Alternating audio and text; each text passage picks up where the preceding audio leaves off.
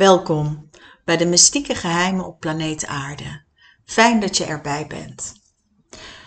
Vandaag wil ik met je spreken over secten.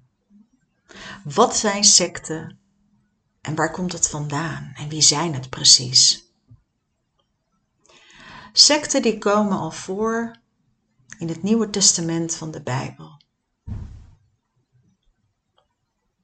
Daar werden bijvoorbeeld de Essenen en de Fariseërs al aangeduid als A-I-Peok. Dat kunnen we vertalen voor nu als secte. Op het moment dat je dat woord hoort, is er vaak gelijk een negatieve associatie. Dat is natuurlijk niet zo raar. Want door misstanden als seksueel misbruik, massale zelfmoorden zoals bij Jim Jones, de People Temple in Guyana of David Kardash in Waco, weet je het nog? Krijgen we er gelijk een raar gevoel bij. En dan heb ik het nog niet over de bitter gestemde ex-leden die in de media vaak beweren dat ze jarenlang misbeleid zijn. En ook het bijvoeglijk naamwoord sectarisch geeft de klank van verkettering en onverdraagzaamheid. Door de zeldzame uitwassen binnen bepaalde sectes, met name cults, heeft het woord een dermate negatieve lading gekregen dat geen enkele aanhanger van een religieuze beweging de term toepast op de eigen beweging. Het zijn altijd anderen die tot de secte behoren.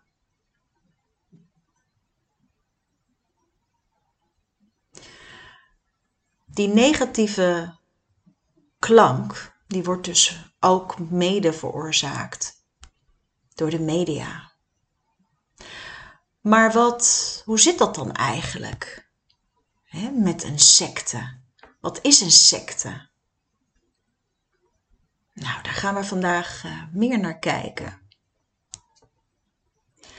Leden van sectes die klagen ook over onterechte bejeging, vooroordelen, onwetendheid, hetsen, stigmatiseringen. En is dat correct? Ik weet niet hoe het voor jullie is, maar als ik naar mijn eigen leven kijk. Um, ik heb veel gezien, ik ben bij veel stromingen geweest. En het is soms heel makkelijk om misschien daarin verzeild te raken. Op zoek naar, ja, Secten die hebben namelijk ook uh, verschillende wervingsmethoden. Vrijwel altijd wordt het gestart met een onschuldig en vrijblijvend contact. Waarna bijvoorbeeld een uitnodiging volgt voor een uh, gebedsruimte, clubavond, picknick. En in de meeste gevallen zullen de leden van de secte sympathiek overkomen. Vooral de bijzonder vriendelijke bejeging naar de introducee. Daar is een speciale naam voor, dat noem je love bombing. En love bombing is eigenlijk dat uh, ja, de geïnteresseerde, het aspirant lid, die moet wel met plezier naar de bijeenkomsten gaan. Denk aan de strategie van de Jehovah's getuigen. Zij vertellen hun verhaal deur aan deur. En leden van deze secte delen soms op markten verouderde exemplaren uit. En bijvoorbeeld de Amerikaanse beweging The Children of God, ook wel de Family genoemd, zij hanteerde zelfs het soort flirty fishing. Het opbouwen van vriendschappelijke contacten uit zogenaamde toevallige ontmoetingen. Op een bepaald moment leidde dat zelfs naar het prostitueren door vrouwelijke leden. In 1987 werd dat zelfs verboden. Op een bepaald moment kan het dus zijn dat een aspirant lid gevraagd wordt om lid te worden. Een lidmaatschap is alleen mogelijk als de doctrines van de secte volledig geaccepteerd worden als de waarheid. En vaak moet een aspirant lid aantonen dat hij of zij grondig bekend is met deze doctrines. Nadat dit succesvol is doorstaan, volgt meestal een ritueel, waarbij toetreding wordt geformaliseerd. Denk aan de volwassen doop. De aard en de grondigheid van deze procedures en rituelen verschillen sterk tussen de verschillende sectes. Schnabbel schreef: Belangstelling is niet voldoende om lid te worden van een secte of een beweging. Bekering is niet voldoende om lid te blijven. De meeste bewegingen verwachten participatie van de leden aan de activiteiten en stellen een bepaald initiatieprocedure verplicht. Hoe ver die verplichtingen gaan hangt af van de mate waarin de beweging de kenmerken heeft van een ideologisch totalisme. Naarmate dit meer het geval is, is de vrijheid van de leden om te handelen, te denken en te voelen buiten de doctrine om geringer.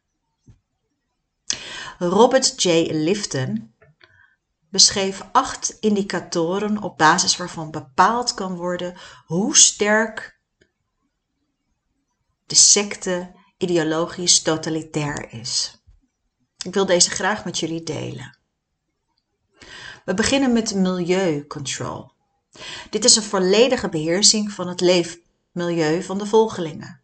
Het systeem scherpt de volgelingen af van ongewenste invloeden van buitenaf en van binnenuit. Milieucontrol is het meest en de meest absolute vorm. Deze leidt tot verval van de persoonlijke autonomie en het verdwijnen van de grenzen tussen het zelf en omgeving. Het is goed om deze te onthouden, maar er komen er meer. Mystical manipulation. Dit is een absoluut vertrouwen in de juistheid van de beslissingen. Hoe absurd of tegenstrijdig ook. Soms vraag je je als buitenstaander af, maar hoezo geloof je dit? Het doel heiligt alle middelen en het heiligt ook de institutie die de middelen inzet. Mystical manipulation leidt tot verval van kritiek en tot onvoorwaardelijke aanpassing en anticipatie op de wensen van de manipulatieve institutie dus de leider bijvoorbeeld. The demand for purity. Het is een strikt dualistische visie op mens en wereld. Dus een diepe kloof hè, van goed en kwaad, waarbij het goede altijd samenvalt met de heersende ideologie. Van het individu wordt een leven verwacht in strikte overeenstemming met de ideologie. En alles wat buiten de ideologie valt, wordt beschouwd als vijandig aan de ideologie en is dus slecht. De demand for purity leidt tot een praktijk van zuivering en induceert op individueel niveau sterke schuld- en schaamtegevoelens. Schuld omdat men de hoge ideologische standaard niet haalt en schaamte omdat voor dit tekortschieten vernederd en gestraft wordt. Vernederd en gestraft. The cult of confession. Dit is biecht, bekentenis en zelfbeschuldiging als politieke verschijnselen om aan de sterke schuld- en schaamtegevoelens uitdrukking te geven. De cult of confession is een erkenning van het feit dat er geen grenzen meer zijn tussen het individu en zijn omgeving. Het individu is eigendom geworden van het systeem. De sacred science, de onaantastbaarheid van het centrale dogma, dat als religieuze waarheid de leer onuittastbaar, als wetenschappelijke waarheid de leer onaanvechtbaar en als normale, normale, normale nou, ik kom er niet uit, jongens, sorry. Normatieve waarheid de leer onovertrefbaar maakt. Totale ideologie is een mengsel van mystiek en logica, van rationaliteit en irrationaliteit. onontwaarbaar met elkaar verbonden, in een pretentie van onfeilbaarheid. Sacred Science geeft een het individu een sterk gevoel van innerlijke zekerheid. Men heeft de waarheid gevonden. Er is een verklaring voor alles en alles heeft zin in het perspectief van het bereiken van het grote ideaal. De volgende, loading the language. Het totale ideologische jargon is voor een belangrijk gedeelte opgebouwd uit God-terms en devil-terms begrippen met een vaste positieve of negatieve betekenis, die zo abstract kunnen zijn dat ze naar believen op alle mogelijke manieren gemanipuleerd kunnen worden in dienst van de ideologie. En zo categorisch dat ze verdere discussie overbodig maken. Loading the language leidt tot een clichématig en verarmd taalgebruik, ontdaan van iedere andere behalve de ideologische inhoud. Doctrine over person. De leer is altijd belangrijker dan het individu. Dit zie je vaak terugkomen. Dus mag en moet het individu aangepast worden aan de eisen van de leer. De orthodoxie is de hoogste norm en de wil toe orthodoxie is een voortdurende poging om de wereld in overeenstemming te houden met vriend- en vijandbeelden van de doctrine. Doctrine over person leidt tot een hoge mate van hypocrisie, een uiterlijke aanpassing aan de eisen van de doctrine. En tot slot de dispensing of existence. Het bestaan in een totalistisch systeem is precair geworden. Een menselijk bestaan of zelfs het menselijk leven is alleen weggelegd voor wie leeft in overeenstemming met de leer. Geloven en gehoorzamen zijn de basisvoorwaarden van dit bestaan. De dispensing of existence leidt tot een permanent gevoel van angst over de continuïteit van het bestaan. Om afdrijven van de sectes te voorkomen, is belangrijk om dat te realiseren. Er kennen veel bewegingen, mechanismen om dit dus tegen te gaan. Op het ideologische niveau wordt soms ontmoedigd om na te denken over de doctrines en wordt het vergelijken met wetenschappelijk onderzoek bijvoorbeeld ontmoedigd of zelfs verboden. Sommige sectes voorkomen de confrontatie met strijdige doctrines door de leden zo druk te houden dat ze geen tijd hebben voor het lezen van literatuur. Naast natuurlijk de verplichte literatuur van de secte zelf. En vrijwel alle sectes waarschuwen in de krachtigste bewoordingen voor het lezen van werken van afvallige ex-leden. Daarnaast kan bijvoorbeeld een negatief zelfbeeld op het denken zelf worden geplakt, zoals bij de family. When you think, think, think, you're gonna stink, stink, stink. Makes you sink, sink, sink. Je denkt echt bij jezelf, hoe kan het? Maar ja, we hebben veel voorbeelden. Een aantal groepen ontmoedigt dan ook het volgen van een hogere opleiding. Hoewel veel sectes hoogopgeleide en zelfs topfiguren uit het zakenleven in hun gelederen hebben. Vaak worden contacten buiten de sectes afgeraden of verboden. En de wereld buiten de secte wordt afgeschilderd als vijandig en slecht, soms ondersteund door complottheorieën. Een lid kan daarmee sociaal afhankelijker van de groep worden en steeds minder geconfronteerd met tegenargumenten. Vrijwel alle sectes kennen de toepassing van disciplinaire sancties. Deze kunnen variëren van het betalen van boetes tot publieke vernedering tot excommunicatie. In sommige gevallen zelfs dat familieleden die lid zijn van de secte geen contact meer mogen hebben met het uitgestotene. Denk aan de Jehovah's. Ook in Nederland hebben we veel te maken met sectes omdat er weinig over gesproken wordt en er weinig ruimte voor is, hoor je er steeds minder over. Maar dat betekent niet dat het er niet is. Afhankelijk van de intensiteit van een ideologisch totalisme is de secte en het uittreden daarvan of heel makkelijk of heel moeilijk. Het ligt natuurlijk aan de persoon in kwestie, maar ook de problemen erna.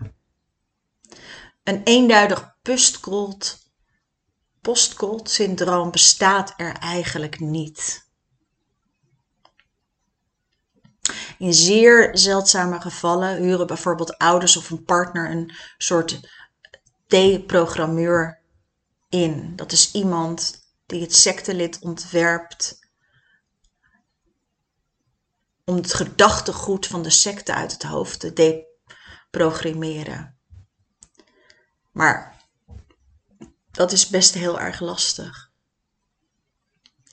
De Nederlandse overheid is namelijk van mening dat er geen bijzondere maatregelen tegen secten en nieuwe religieuze bewegingen hoeft genomen te worden.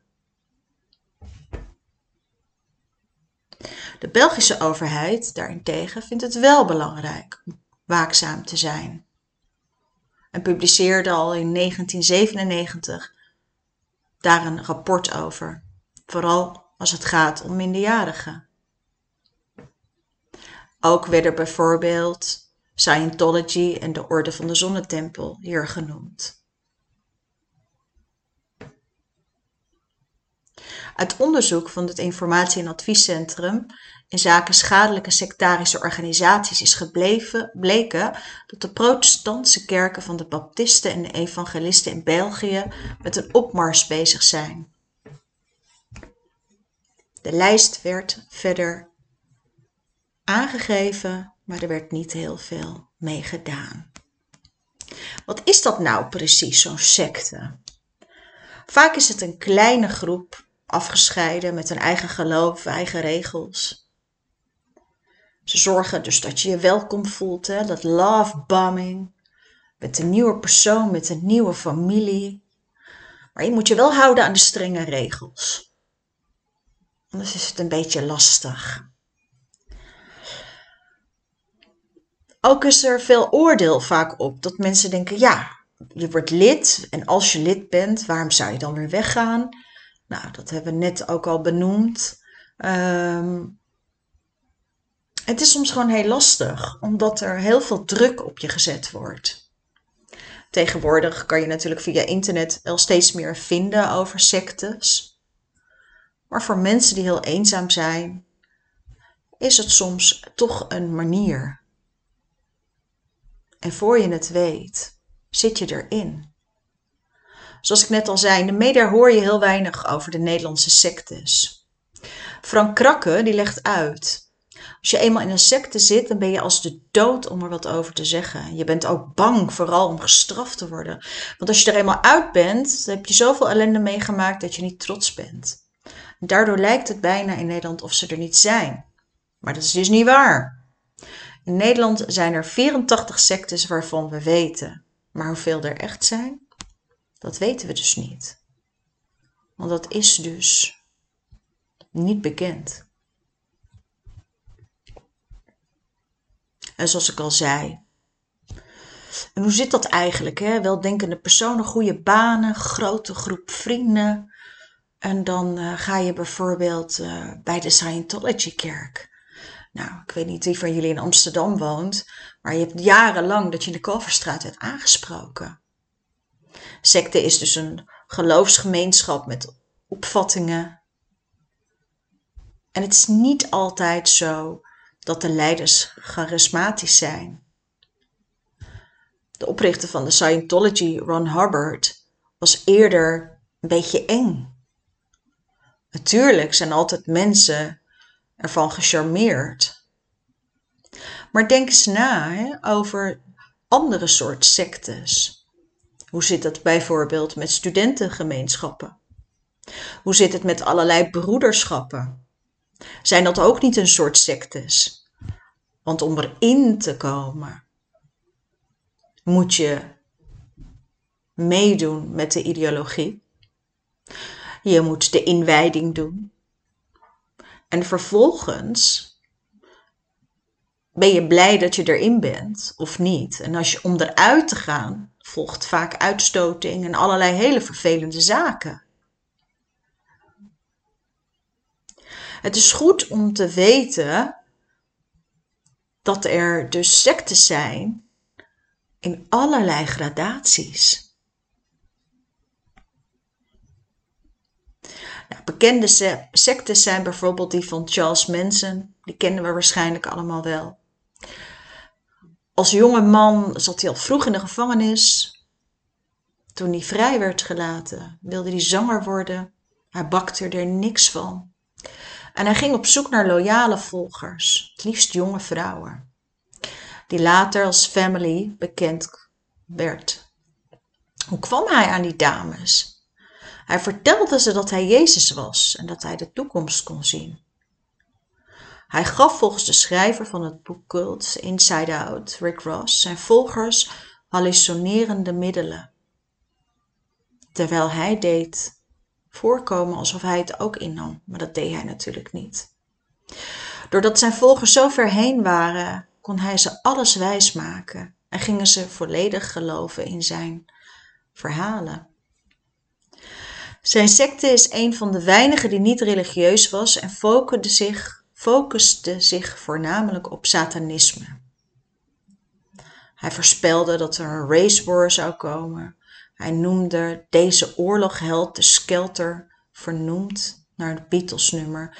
En hij claimde dat Afro-Americans zouden winnen, maar hierna op zoek moesten naar belangrijke leiders. Ook celebrities en rijke lui moesten het ontgelden. Hij overtuigde zijn volgers dat ze zich moesten verstoppen in een bunker. Zodra de oorlog voorbij was, zouden ze zich opofferen als nieuwe leiders voor het volk. Om de Afro-Amerikanen een handje te helpen, liet hij zijn volgers mensen vermoorden. Zo zou het doel uiteindelijk bereikt worden. Volgens mensen. Zeven mensen zijn uiteindelijk vermoord, waaronder bekend actrice Sharon Tate, zwanger en vrouw van Hollywood-regisseur Roman Polanski. De moorden werden koudbloedig uitgevoerd en teksten als Rise and Death to the Pigs werden met het bloed bij de moordscène achtergelaten. In 1971 werd hij veroordeeld en heeft nooit toegegeven dat hij zijn volgers gevraagd heeft iets te doen. Hij is altijd nog door velen bewonderd en heeft inmiddels een grote schare volgers. Ongelooflijk, hè? David Koresh had geen opleiding, maar was heel handig in het onthouden van teksten uit de Bijbel. Hij verliet in 1990 de Seventh Day Adventist secte en zette zijn eigen tak op, die hij de Branch David, David noemde naar zichzelf vernoemd natuurlijk. Hij zorgde ervoor dat zijn volgers nauwelijks sliepen of aten, waardoor ze vermoeid en warrig werden en urenlang naar de Bijbelteksten moesten luisteren die hij opdreunde. De man kreeg het voor elkaar om zijn volgers ervan te overtuigen dat als je hem niet volgde en niet in Amerika geloofde, je een vijand van God was. Deze secte is echt een klassieker omdat het gebaseerd was op angst en leugens in verhouding tot geloof. De rol van Koresh, sorry, Koresh. Hij had de stem van God en gebruikte zijn macht om veel seks met de vrouwelijke volgers te hebben. Dat moest namelijk van God. Hij vond dat hij dit moest doen omdat het einde van de wereld nabij was. Hij en zijn volgers zouden dit overleven toen hij veel pistolen begon te in te slaan, kregen autoriteiten hier wind van. En op 28 februari 1993 stormden agenten zijn landgoed op. Koresh gaf niet op en besloot 51 dagen later zijn landgoed in de fik te steken. Hierdoor overleed hij, samen met 79 van zijn volgers, waaronder 22 kinderen. Soon Mohan Moon deze leider werd in 1920 geboren in wat we nu kennen als Noord-Korea en zette de Unifaction Church op. Waarom hij volgens zichzelf belangrijk was? Hij kreeg op zijn 16 een visioen waarin duidelijk werd dat Jezus zijn werk niet had afgekregen en hij moest het werk voortzetten. De reden voor zijn secte was duidelijk. Hij had namelijk een heus businessplan bedacht. Hij was op zoek naar gratis werknemers voor zijn bedrijven. Hoe je lid kon worden? Je moest eerst een introductieweekend doorstaan. Daarna moesten potentiële leden door een 40-daags programma voordat ze toegelaten werden. Jim Siegelman deed onderzoek naar de Moon-secte en schrijft in zijn boek Snapping over hoe Moon urenlang met intens oogcontact volgers extreem emotioneel wist te krijgen. Door middel van weinig slaap, heel veel lichamelijke beweging en een dieet dat bestond uit voornamelijk suiker, koolhydraten en koffie, werden nieuwe leden gerekruteerd. Als je eenmaal lid was, ging je gratis aan het werk voor Moon in een van zijn bedrijven, die nog steeds bestaan: restaurants, visserijen en mediabedrijven. In 2012 overleed hij, maar zijn miljardenbusiness bestaat nog steeds. Bizar? Wereldwijd zijn er duizenden van deze sectes. En in grote lijnen is dus een secte altijd een groep of beweging met een gezamenlijk streven naar een extreme ideologie, die doorgaans belichaamd wordt door een leider. Toen Jim Jones zijn volkstempel oprichtte in 1955, konden weinigen het gruwelijke einde voorspellen. Hij werd gewoon al heel snel ontzettend populair. En in 1977, na beschuldigingen van hersenspoeling en misbruik, vertrok hij met honderden naar Guyane. Het was het idee van een utopisch paradijs, maar het werd een gevangeniskampen. Hij voerde zijn laatste plan uit. Op 18 november 1978 vonden 909 mannen, vrouwen en kinderen de dood met een giftig drankje. Dat akelige beeld is verenigd in dit simpele zinnetje om enigszins secteachtig denken te typeren. Ze dronken de krol eet. Het is belangrijk om twee dingen te weten. Niet alle secten zijn religieus. Sommige zijn politiek, therapie gebaseerd of gebaseerd op zelfontwikkeling of anderzijds. Aan de andere kant zijn niet alle nieuwe religies wat wij sectes noemen. Dus wat is nou dat nieuwe moderne concept van sectes en waarom doen mensen dus mee? Nou ja, zoals we het al genoemd hebben, een typische secte vereist een hoge mate van betrokkenheid. En ook willen we vaak graag antwoorden op zaken. Je kunt je ook afvragen in hoeveel, hoeverre het nodig is op dit moment. In feite beschreef het woord bijvoorbeeld cultus oorspronkelijke mensen die de verering van bepaalde goden cultiveren door de uh, rituelen te verrichten en tempels te handhaven. Ook een goed, een goed woord daarvoor. En veel religies zijn als secten begonnen voordat ze in de maatschappij geïntegreerd raakten. Secten eisen ook gehoorzaam aan menselijke leiders, wat meestal overtuigende mensen zijn, met narcistische trekken en gemotiveerd door geld, seks, macht of alle drie.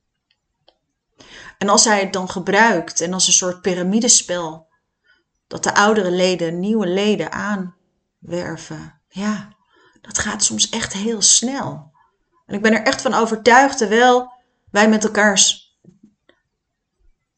dit bespreken, dat jij er zeker wel eens mee te maken hebt gehad.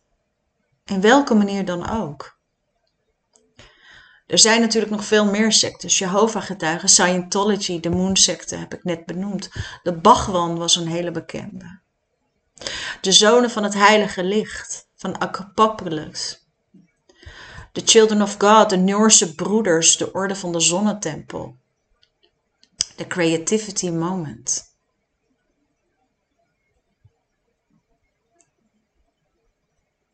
En zo zijn er nog een aantal.